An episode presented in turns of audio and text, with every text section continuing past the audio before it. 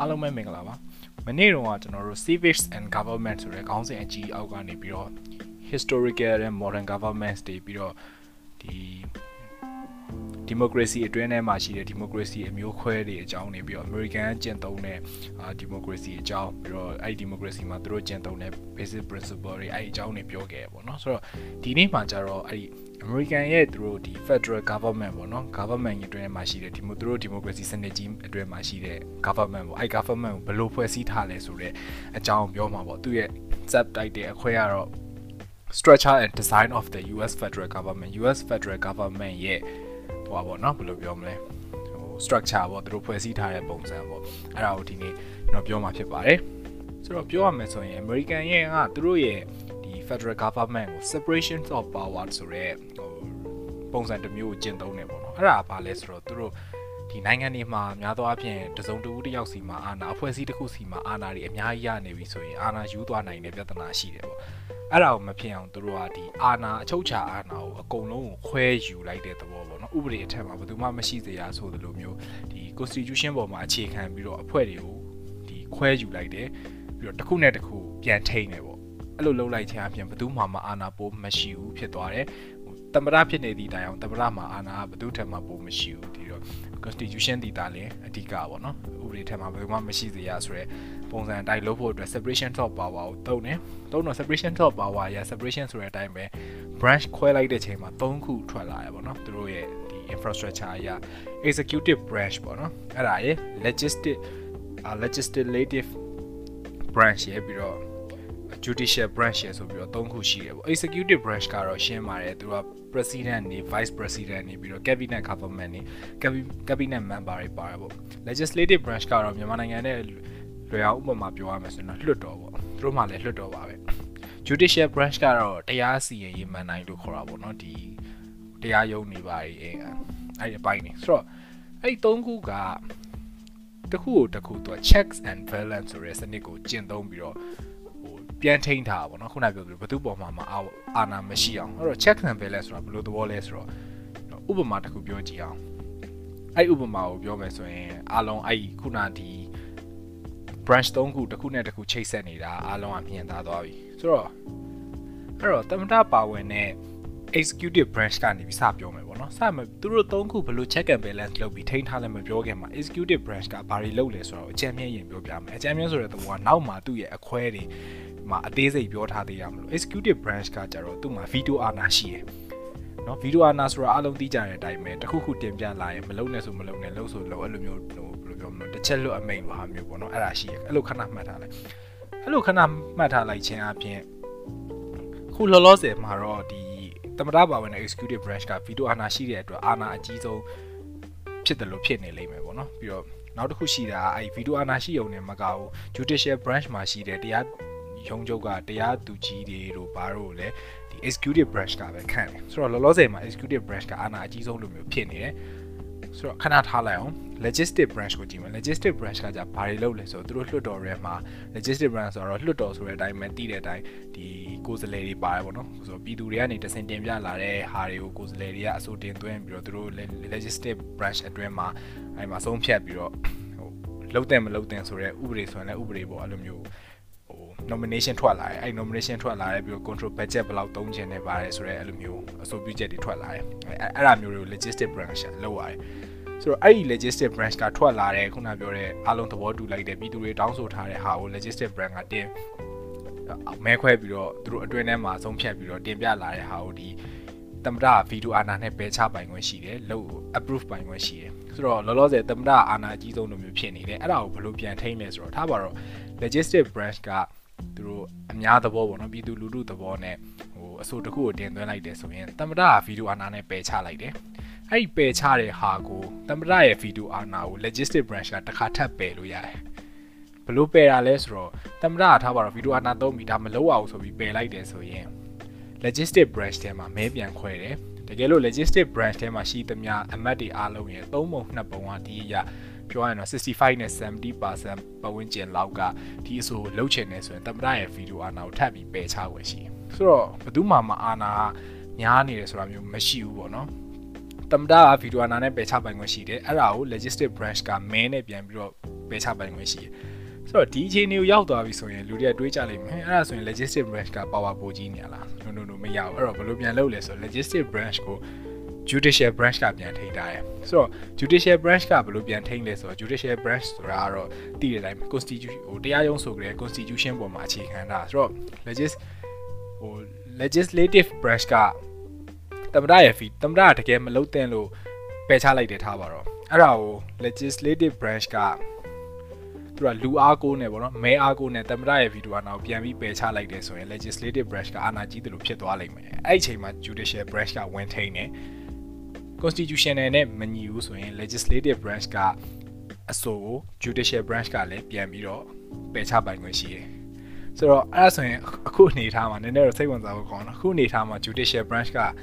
အာဏာအကြီးဆုံးလိုမျိုးဖြစ်မသွားပြန်ဘူးလားအဲ့လိုမျိုးဖြစ်သွားတော့ judicial branch ကိုဘာပြန်ထိန်းထားလဲဆိုတော့ executive branch သမ္မတတွေကပြန်ထိန်းထားတယ်ဘာလို့လဲဆိုတော့သမ္မတတွေကဘယ်ဒီ judicial branch ကတရားသူကြီးတွေဘာတွေညာတွေကိုခန့်ထားတာဟုတ်ဆိုတော့သူတို့ကပဲဖြုတ်ပိုင်ခွင့်ရှိတယ်အဲ့လိုပဲ judicial branch ကို legislative branch ကလည်းဖြုတ်ပိုင်ခွင့်ရှိတယ်ဒီ judicial branch ကဒီဝန်ထမ်းတွေပေါ့နော်တရားသူကြီးတွေတရားသူကြီးချုပ်တွေအဲ့လိုဟာမျိုးတွေကိုဒီ legislative branch ရဲ့ senate ပေါ့နော်အထက်လွှတ်တော်ကနေပြီးတော့ဆုံးဖြတ်ပြီးတော့ဒီ judicial branch မှာရှိတဲ့ဝန်ထမ်းတွေကိုလည်းပြန်ပြီးတော့ဖြုတ်ချပိုင်ခွင့်ရှိဆိုတော့သုံးခုကတစ်ခုနဲ့တစ်ခုအပြန်အလှန်ထိန်းနေရဗျာ executive branch ကိုလည်း legislative branch နဲ့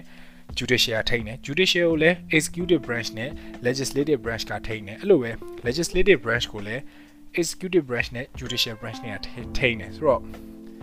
checks and balance ဆိုတဲ့သဘောကဒါပဲဘယ်သူမှဥပဒေထက်မှာရှိမနေဘူးတယောက်နဲ့တယောက်ကအပြန်အလှန်ထိန်းနေတာဖြစ်တဲ့အတွက်အဲ့စနစ်နဲ့တွားတယ်ပေါ့ ကျွန်တော်တို့သူ့ရဲ့ branch ၃ခုကိုခြုံပြီးတော့ပြောပြီးပြီဆိုတော့ကျတော့ branch တစ်ခုချင်းစီရဲ့အသေးစိတ်လုပ်တဲ့ဟာနဲ့ branch တစ်ခုချင်းစီအတွင်းထဲမှာရှိတဲ့ဟို structure တွေအကြောင်းအသေးစိတ်ပြောမယ်ပေါ့နော်ဆိုတော့ပထမဆုံးပြောမှာ legislative branch legislative branch မှာအတွင်းထဲမှာသူကနှစ်မျိုးရှိတယ်မြန်မာလိုဆိုရင် အောက်လွှတ်တော်နဲ့အထက်လွှတ်တော်အင်္ဂလိပ်လိုခေါ်ဆိုရင်တော့ House of Representative အဲ့ဒါကိုအောက်လွှတ်တော်လို့ခေါ်တယ်ပြီးတော့အထက်လွှတ်တော်ကိုသူတို့ Senate လို့ခေါ်တယ်ပေါ့နော် Upper House နဲ့ Lower House လို့လည်းခေါ်ကြတယ်ဆိုတော့ သူတို့မှာ upper house lower house ရှိပေမဲ့နှစ်ခုလုံးက power အာဏာအတူတူပဲ American မှာကသူကဘယ်ဟာ power ပိုကြီးတယ်ဘယ်ဟာပိုသေးတယ်ဆိုတာမျိုးမရှိဘူးဒါပေမဲ့သူတို့ဒီ member တွေပေါ့နော်ဒီအထက်လွှတ်တော်မှာပါဝင်မဲ့လူရည်အတွက်နဲ့အောက်လွှတ်တော်မှာပါဝင်မဲ့လူရည်အတွက်ကမတူဘူးရွေးကောက်တင်မြှောက်တဲ့ပုံစံချင်းလည်းမတူဘူးအဲ့ဒါကိုပြောပြမယ်ပထမဆုံးအောက်လွှတ်တော်ကိုရင်ပြောမှာပေါ့နော်ပထမဆုံးပြောချင်တာ American မှာသူပြည်နယ်90ရှိတယ်အောက်လွှတ်တော်ကကျတော့သူအဲ့ပြည်နယ်ရဲ့လူရည်ပေါ်မူတည်ပြီးတော့အနေများခန့်တယ်ပေါ့နော်ဆိုတော့ population ထူထပ်ရင်ဒီအောက်လွှတ်တော်မှာပါဝင်ရမယ်ဟိုအဲ့ပြည်နယ်တစ်ခုရဲ့ representative ဥယျာဉ်ကလည်းများသွားမယ်ဟို population နည်းတယ်ဆိုရင်အဲ့ပြည်နယ်ရဲ့ representative ဥယျာဉ်ဟိုနည်းမယ်ပေါ့နော်ဆိုတော့လူများရင်များမယ်လူနည်းရင်နည်းမယ်ဆိုတော့ကျင်းတာကျဲတာနဲ့မဆိုင်ဘူးပေါ့နော်ကယ်လီဖိုးနီးယားဆိုရင်သူကတအားကြီးကိုပဲဟိုလူကြီးထူထပ်တယ်ဒါပေမဲ့နေရာကျကျင်းတယ်ဒါပေမဲ့လူကြီးထူထပ်တယ်ဆိုတာနဲ့တပြိုင်နက်တည်းသူ့ရဲ့အောက်လွှတ်တော်မှာပါဝင်မဲ့ဒီ House of Representative မှာပါဝင်မဲ့ member ရေးအတွက်ပြောရင် representative ရေးတော့ကများသွားမယ်ဆိုတော့နောက်တစ်ခုထပ်မှတ်မှာတက်တန်းပေါ့နော်ဆိုတော့ဒီ representative တွေရဲ့တက်တန်းပေါ့နော်မြန်မာလို့ဆိုရင်ကိုယ်စားလှယ်ရဲ့တက်တန်းဘယ်လောက်ရှိမလဲအဲ့တော့အဲ့ဒီနေရာမှာလည်းမှတ်ထားမှာတကွာလူကြီးများရင်တက်တန်းတိုးတယ်အဲ့တော့ House of Representative ကတက်တန်းတိုးတယ်သူတို့ရဲ့တက်တန်းနှစ်နှစ်နှစ်နှစ်ပြည့်ရတဲ့တပြိုင်နက်တည်း ရွေးကောက်ပွဲတစ်ခါထပ်လုပ်ရတယ်ပေါ့နော်ဒီ House of Representative တွေအတွက်ရွေးကောက်ပွဲရွေးကောက်ပွဲဆိုတဲ့နေရာမှာသမ္မတရဲ့ရွေးကောက်ပွဲနဲ့မရောနဲ့ပေါ့နော်သမ္မတရဲ့ရွေးကောက်ပွဲကကြတော့သူက၄နှစ်တစ်ကြိမ်လုပ်တာတကယ်ကိုအကြီးအကျယ်လုပ်တာအမေရိကန်နိုင်ငံမှာရှိမနေတဲ့တခြားနိုင်ငံနိုင်ငံသားတွေပါဝင်ပေးပြီးတော့လည်းမျိုးတကယ်အကြီးအကျယ်လုပ်တာဒီရွေးကောက်ပွဲဆိုတာကြတော့ဒီလွှတ်တော်အတွင်းက Congress အတွင်းက ရွေးကောက်ပွဲပေါ့နော်ဆိုတော့အထက်လွှတ်တော်အကြောင်းပြောမယ်စီနိတ်စီနိတ်ကကြတော့သူကပြည်နယ်ကြီးတာသေးတာပြည်နယ်အတွင်းမှာလူဦးရေများတာနဲတာနဲ့မဆိုင်ဘူးဘယ်ပြည်နယ်ကမဆိုနှစ်ယောက်ပဲဆိုတော့စီနိတ်ကတော့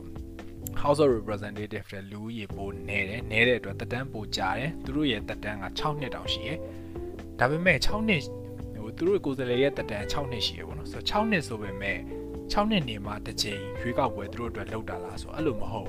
ဒီ စီနိတ်တွင်မှာရှိတဲ့ကိုယ်စားလှယ်တွေကို3ပုံပုံလိုက်တယ်3ပုံပုံပြီးတော့2နှစ်ကိုတစ်ချိန်ဟွာရွေးကောက်ပွဲကျင်းပါရပေါ့နော်ခွဲလိုက်တာပေါ့အလှည့်ကြဒီတစ်နှစ်မှာတော့ဒီဥယေတွေကဒီဒီယ်လိုပြောမလဲစီနိတ်အတွင်းမှာရှိတဲ့ member တွေရဲ့ဒီတပုံကရွေးကောက်ပွဲလုပ်ပြီးတော့နောက်နှစ်နှစ်ကြာတဲ့အချိန်မှာနောက်တပုံလုပ်နောက်နှစ်နှစ်ကြာတဲ့အချိန်မှာနောက်တပုံလုပ်အဲ့တော့လိပ်ပတ်ပြန်လဲသွားတာပေါ့သိရမလားသုံးပုံရှိတာဟိုမှာဟိုတပုံစီနှစ်နှစ်ဆိုတော့နှစ်သုံးနှစ်6လေး6နှစ်တခါဆိုတော့အဲ့လိုမျိုးလဲသွားအဲ့လိုမျိုးသူတို့က ကိုယ်စလဲဟိုဟိုဒီစီနိတ်က representative တွေကိုသူကဟိုလုပ်ပေးရွေးကောက်ပွဲလုပ်ပေးပြီးတော့ဒီ Congress ထဲမှာ Speaker of the House ဆိုပြီးတော့ယာတူတစ်ခုရှိရပါတော့အဲ့ဒါကတော့ဒီလွှတ်တော်ရဲ့ဥက္ကဋ္ဌလို့သဘောမျိုးပါပဲဒီ member တွေအတွင်းကနေပဲရွေးချယ်တင်မြှောက်ထားတယ်သူတို့ကဒီ majority ပေါ့နော်အနိုင်ရပါတီရဲ့ဘယ်လိုပြောမလဲခေါင်းဆောင်ပေါ့အဲ့လိုမျိုးပြောအောင်ပြီးရင်သူကဒီလွှတ်တော်အတွင်းမှာရှိတဲ့ ပါဝါပေါ့နော်လွှတ်တော်ကတတ်မှတ်လိုက်တဲ့ကျွန်တော်ရှေ့မှာလည်းပြောခဲ့ legislative branch ကလုပ်တဲ့ဟာတွေကဒီပြည်သူလူထုကပြောပြလာတဲ့ဟိုလိုအပ်ချက်တွေဘာတွေ majority တွေကိုအလိုလိုက်ပြီးတော့ဒီသူတို့တိုင်ပင်ပြီးတော့ကြတော့ law တွေဥပဒေတွေပြဋ္ဌာန်းချက်တွေထုတ်တာဟိုအဲ့ဒါကိုမှဟိုတမတာထောက်ခံပေးမလားဗီတိုနဲ့ပယ်မလားဆိုတဲ့ဟာအလုပ်လုပ်တာဟိုထားပါတော့သူတို့အလုပ်ကအဲ့လိုမျိုးဥပဒေတွေပြဋ္ဌာန်းချက်တွေစီမံစည်းကမ်းတွေလုပ်ရတာပေါ့နော်သူတို့လုပ်တဲ့ဟာတွေကတော့အများကြီးပဲပေါ့နော်ဟို ဝါကြင်ညာတာ declare ဝါလုပ်တာတို့ပြီးတော့အခွန်ဆောင်မှုကိစ္စတွေအများကြီးပဲပေါ့နော်ဒီလွှတ်တော် congress အတွင်းကလုပ်တာအဲ့လို congress အတွင်းကလုပ်တဲ့အလုပ်တွေထဲမှာမှသူကနှစ်မျိုးထပ်ခွဲလို့ရတယ်အဲ့ဒါကတော့ enumerated power နဲ့ elastic clause ဆိုပြီးတော့နှစ်မျိုးခွဲလို့ရတယ်ပေါ့နော်ဆိုတော့ enumerated power နောက်တစ်မျိုးဘယ်လိုခေါ်လဲဆိုတော့ listed power လို့ခေါ်တယ်နာမည်ရအတိုင်းပဲဒီ power တွေသူတို့ဒီ congress ကလုပ်ပိုင်ခွင့်ရှိတဲ့ power တွေကို list လုပ်ထားပါအဲ့ list ကလုံးဝ fix ပဲကွာပြင်လို့မရအောင်ဘယ်လိုအခြေအနေမျိုးတွေလဲဆိုတော့ဝါကြညာတာတို့နောက်တစ်ခုအခွန်ဆောင်မှုလုပ်တာတို့ပြီးတော့ introduce bills ပေါ့နော် bills တွေနဲ့ပတ်သက်တာလုပ်တာပြီးတော့ maintain the army and the navy ဆိုတော့ဒီကာကွယ်ရေးနဲ့ပတ်သက်တဲ့စစ်တပ်နဲ့ပတ်သက်တဲ့ဟာတွေလုပ်တာပြီးတော့ admit new stages into the union ဒီ နိုင်ငံတွေကိုနောက်ထပ် state တစ်ခုအသစ်ထပ်တိုးတာတို့ပြီးတော့တခြားနိုင်ငံနဲ့ to improve treaties ပေါ့နော်ဒီကုန်သွယ်မှုတွေလုပ်တာတော့အဲ့ဒါမျိုးတွေက fix တွေပဲဒီ constitution အတိုင်းပဲသွားမယ်လုံးဝပုံသေးပဲဘယ်အချိန်တွေမှာဖြစ်ဖြစ်အဲ့ဒါပုံသေးပေါ့နော်နောက်တစ်ခုကကျတော့ elastic clause ပေါ့ elastic ဆိုတဲ့အတိုင်းပဲဟိုဘယ်လိုပြောမလဲအခြေအနေပေါ်လိုက်ပြီးတော့ပြောင်းလဲနိုင်တယ်ဥပဒေတွေပေါ့အဲ့ဒါကတော့ဥပမာပေးရတော့နည်းနည်းခက်တယ်ပေါ့ဥပမာထားပါတော့ constitution တစ်ခုကဒီပြည်နယ်အတွက်တော့အဆင်ပြေပေမဲ့နောက်ပြည်နယ်အတွက်အဆင်မပြေဘူးထားပါတော့အဲ့လိုဟာမျိုးဆိုရင်တော့သူကအခြေအနေရပေါ့နော်အခြေအနေရဒီပြည်နယ်အတွက် short ပေါ်ပေးတာမျိုးအဲ့လိုမျိုးပါဗျာဟိုဘယ်လိုပြောမလဲ situation တကယ်မြေပြင် situation real world ပေါ်မှာအခြေခံပြီးတော့မှာအနေနဲ့အများလိုတိုးပိုရှော့လုပ်တဲ့ power တွေဥပဒေတွေကိုကြတော့ elastic clause လို့ခေါ်တယ် enumerated power ကတော့ခုနပြောသလိုပဲပုံသေးပဲဘာဘာ excuse နဲ့မှပြောင်းလို့မရတဲ့ power မျိုးအာ enumerated power လို့ခေါ်ရပါတော့အဲ့ဒါတွေကို legislative legislative sorry legislative branch ကလုပ်ပါတယ်ဆိုတော့ကြတော့အခုပြောမှာ executive branch ပေါ့နော် executive branch မှာသူက president ပါမယ် vice president ပါမယ်ပြီးတော့ကျတော့သူတို့အတွင်းမှာရှိတဲ့ဟို cabinet member တွေပေါ့နော် agency member တွေ cabinet member တွေအဲ့လိုမျိုးဆန်ဆန်နေပါမယ်အဲ့တော့ president ကကျတော့သူကဒီ ဟိုအရင်ပြီးဆုံးမှာပြောထားတဲ့အတိုင်းပဲ American မှာသမ္မတဟိုဘယ်လိုပြောမလဲ power အာဏာတာညီတူညီမျှရှိတာသူကအကြီးဆုံးလို့သဘောမျိုးဖြစ်နေတာပေါ့နော် head of the government ဆိုတော့ပြည်သူလူထုကပဲတင်မြှောက်ထားတာသူ့မှာ၄နှစ်သက်တမ်းရှိတယ်၄နှစ်သက်တမ်းမှာမှာ ဒီလေးနှစ်မှာရွေးခံလိုက်ရတယ်ဆိုရင်သူကတက်တန်းနှစ်ကြိမ်ဆက်လုပ်လို့ရတယ်အဲ့တော့သဘောက၄နှစ်မှာရွေးခံရတယ်ဆိုရင်နောက်ထပ်၄နှစ်ထပ်ပြိုင်လို့ရတယ်အဲ့နောက်ထပ်၄နှစ်မှာလည်းထပ်ရွေးခံရတယ်ဆိုရင်နှစ်နှစ်ဆက်တိုက်လုပ်လို့ရတယ်ဒါပေမဲ့၃နှစ်ဆက်တိုက်တော့လုပ်လို့မရဘူးဘာနဲ့ဥမာပေးရမလဲဆိုတော့နီနီကက်ကက်ပဲဥပမာရှိတယ်အိုဘားမားပေါ့နော်အိုဘားမားဆိုရင်ပထမ၄နှစ်ရွေးခံရတယ်သူသမ္မတလုပ်တယ်နောက်ထပ်ဒုတိယသက်တမ်းမှာလည်းသူထပ်ရွေးခံရတယ်သမ္မတထပ်လုပ်တယ် total ၈နှစ်ဒါပေမဲ့သူနောက်တစ်ချိန်ထပ်ရွေးခံလို့မရတော့ဘူးဘာလို့ဆိုတော့သက်တမ်း2ချိန်ပဲ လောက်ခွင့်ရှိတယ်အဲ့ဒါဘာရလဲဆိုတော့ article 2 of the constitution ပေါ့နော် article အခြေခံဥပဒေရဲ့ article 2ကြောင့်မှာပြဋ္ဌာန်းထားတယ်ဆိုတော့သမ္မတရဲ့ responsibility ပေါ့နော်သူ့ရဲ့တာဝန်တွေကဘာတွေလဲဆိုတော့ serving as a commander in chief of the armed forces စစ်တပ်ရဲ့ပေါ့နော်သူတို့ရဲ့ defense force ရဲ့ဒီ commander in chief အဖြစ်ယူရတယ်တာဝန်ယူရတယ်ပြီးတော့ appointing judges to the supreme court ပေါ့နော်ဒီ main တရားဥပဒေတရားရုံးကြီးမှာရှိတယ်ဟိုတရားသူကြီးတွေကိုလည်းခံထားရတယ်ပြီးတော့ nominating major executive officer major executive officer တွေကိုလည်းဒီ nominate လုပ်ရ nominate လုပ်ရတယ်ဆိုတဲ့အဓိပ္ပာယ်ကသူခန့်ညနိုင်ခန့်လို့မရဘူးเนาะသူလုပ်တဲ့ဟာကိုဒီ legislative ကနေပြန်ကြည့်အောင်မအောင်အဲ့ဒီသဘောဆိုလိုတာပါပြီးတော့ executing and enforcing law enacted by the congress ဆိုတော့ congress ခုနလွှတ်တော်ကနေတင်ပြလာတဲ့ law တွေကိုသူကဟို ဟ approve လုပ်ပေးမလား veto နဲ့ပယ်ချမလားဆိုတော့ဆုံးဖြတ်ချက်တွေဆုံးဖြတ်ရတယ်ပြီးတော့ vetoing bills sent by the congress as he see fits ဆိုတော့ congress ကနေတင်ပြလာတဲ့ bills နဲ့ပတ်သက်တဲ့အကြောင်းအရာတွေကိုသူကြည့်ပြီးတော့တင့်တော်ကြီးမတင့်တော်ကြီးဆုံးဖြတ်ပြီးတော့သူ veto သုံးခွင့်အဲ့လိုဟာမျိုးတွေ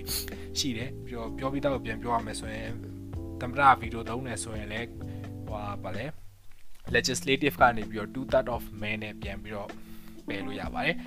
ဆိုတော့နောက်တစ်ခုက American သမ္မတဖြစ်ဖို့အတွက်ဘာ criteria တွေလိုလဲပေါ့အဲ့ဒါတော့၃ခုရှိတယ်ပေါ့နော်အဓိက main ကတော့ပထမတစ်ခုကတော့ neutral born citizen of United States United States နိုင်ငံသားဖြစ်ရမယ်ဖြစ်ုံနဲ့မရဘူး neutral born ဆိုတဲ့အတွက်သူတို့နိုင်ငံမှာမွေးလဲမွေးရမယ်ပြီးတော့ must have lived in the country for the minimum 14 years ပေါ့နော်နိုင်ငံသားလည်းဖြစ်ရမယ်အဲ့နိုင်ငံမှာလည်းမွေးရမယ်နောက်တစ်ခုက14နှစ်လည်းအနည်းဆုံးနေခဲ့ရမယ် အဲ့ဒါမှသမ္မတလုပ်ရတယ်နောက်တစ်ချက်ကတော့ at least 35 years ဆိုပေါ့နော်35နှစ်အနည်းဆုံးသမ္မတအသက်ရှိရမယ်ပေါ့ဆိုတော့နောက်တစ်ခုကကျတော့ vice president vice president ကျတော့ဘာတွေလုပ်လဲဆိုတော့ vice president ဆိုတဲ့အတိုင်းပဲဒုတိယသမ္မတပေါ့သမ္မတရဲ့ဒုတိယဆိုတော့သူကဘာတွေလုပ်လဲဆိုတော့သမ္မတတကယ်လို့အကြောင်းမျိုးမျိုးကြောင့်တာဝန်ကိုပြီးဆုံးအောင်မလုပ်နိုင်တော့ဘူးမထမ်းဆောင်နိုင်တော့ဘူးအကြောင်းအရာတစ်ခုခုကကျမ်းမာရေးအခြေအနေကြောင့်မှဖြစ်ဖြစ်မတော်တဆတည်သွားတာမျိုးပဲဖြစ်ဖြစ်အဲ့ဒါမျိုးဆိုရင် vice president ကသူ့ရဲ့တက်တန်းကုန်တဲ့အထိဆက်ပြီးတော့ထိန်းပြီးတော့တာဝန်ယူပေးရတယ် နောက်တစ်ခုကကျတော့ vice president ကသမ္မတရဲ့ serve as the president of the senate ပေါ့နော်စာအုပ်မှာရေးထားသမ္မတရဲ့ဟို senate လွှတ်တော်အဖြစ်ပေါ့နော်အဲ့လိုသဘောမျိုးယူရတယ်တာဝန်ယူပေးရတယ်နောက်တစ်ခုကကျတော့ဒီ vice president uh, serve as the president's discretion ပေါ့နော် discretion ဆိုတာတဘာပတိဆိုတော့သမ္မတရဲ့တဘာပတိဖြစ်လဲ vice president ကအခြေအနေရတာဝန်ယူရတယ်ဆိုတော့ this ဆိုတော့သူ့ရဲ့နောက်ဆုံးစာကြောင်းမှာပြောထားတာပေါ့နော် the speaker of the house is that in line to succeed the presidents following the vice president ပေါ့နော်သဘောကတော့ဒီ legislative ထဲမှာရှိတဲ့ speaker of the house ယာတူတယောက်ရှိရပေါ့နော်အဲ့ယာတူအဲ့ယာတူက vice president ရဲ့နောက်မှာပေါ့အရေးပါတဲ့အရာဒီဒီသဘောကတော့ကျွန်တော်ထင်တယ်ဆရာမအဲ့ဒါကိုသေသေးချာချာတော့ပြောမတော့ဘူးเนาะဒါပေမဲ့စာကြောင်းရဲ့သဘောအရာ ကျွန်တော်အမြင်ကတော့ကျွန်တော်ထင်တာမှမှားဘူးဆိုရင်ဒီအရေးပါတယ်ဘယ်လိုပြောမလဲဟိုအာနာရှိတယ်လို့တော့မပြောလို့ပါဘူးဘာလို့ဆိုတော့အမေရိကန်အာနာတွေအားလုံးရှေ့မှာပြောသွားတဲ့အတိုင်းပဲညီတို့ညီမျှရှိတာဟုတ်ဆိုတော့အရေးပါတဲ့လူတွေယာတူကြီးတဲ့လူတွေကိုဆင်လိုက်မယ်ဆိုရင် vice president oh sorry president ရှိမယ်ပြီးတော့ vice president အဲ vice president ရဲ့နောက်မှာမှာ speaker of the house လိုက်တယ် speaker of the house ကဟိုယာတူဆင်လိုက်မယ်ဟိုဘယ်လိုပြောမလဲ အဲ့ပေါ့ယာတူလို့ပဲပြောအောင်ပေါ့ခုနလိုအာနာနဲ့ပြောလို့မရဘူးဆိုယာတူဆင်လိုက်မယ်ဆိုရင် speaker of the house ကနံပါတ်3နေရာမှာရှိတယ်လို့ပြောချင်တာလို့တော့ထင်ပါတယ်ဆိုတော့ executive branch ကဒါပါပဲအဲနောက်ပြောဖို့ကြံတာ judicial branch ကြံတယ်ပေါ့နော် judicial branch နဲ့ဒီမြန်မာလိုဆိုရင်ဟို department တွေပေါ့နော် cabinet တွေ president cabinet တွေမြန်မာလိုဆိုရင်တော့ဒီဝန်ကြီးဌာနတွေအကြောင်းနေပြောဖို့ကြံသေးတယ်အဲ့ဒါကတော့နောက်ပြီးဆုံးမှာပြောမယ်ဆိုတော့ဒီနေ့ပြီးဆုံးပါတော့ဒီလောက်ပါပဲ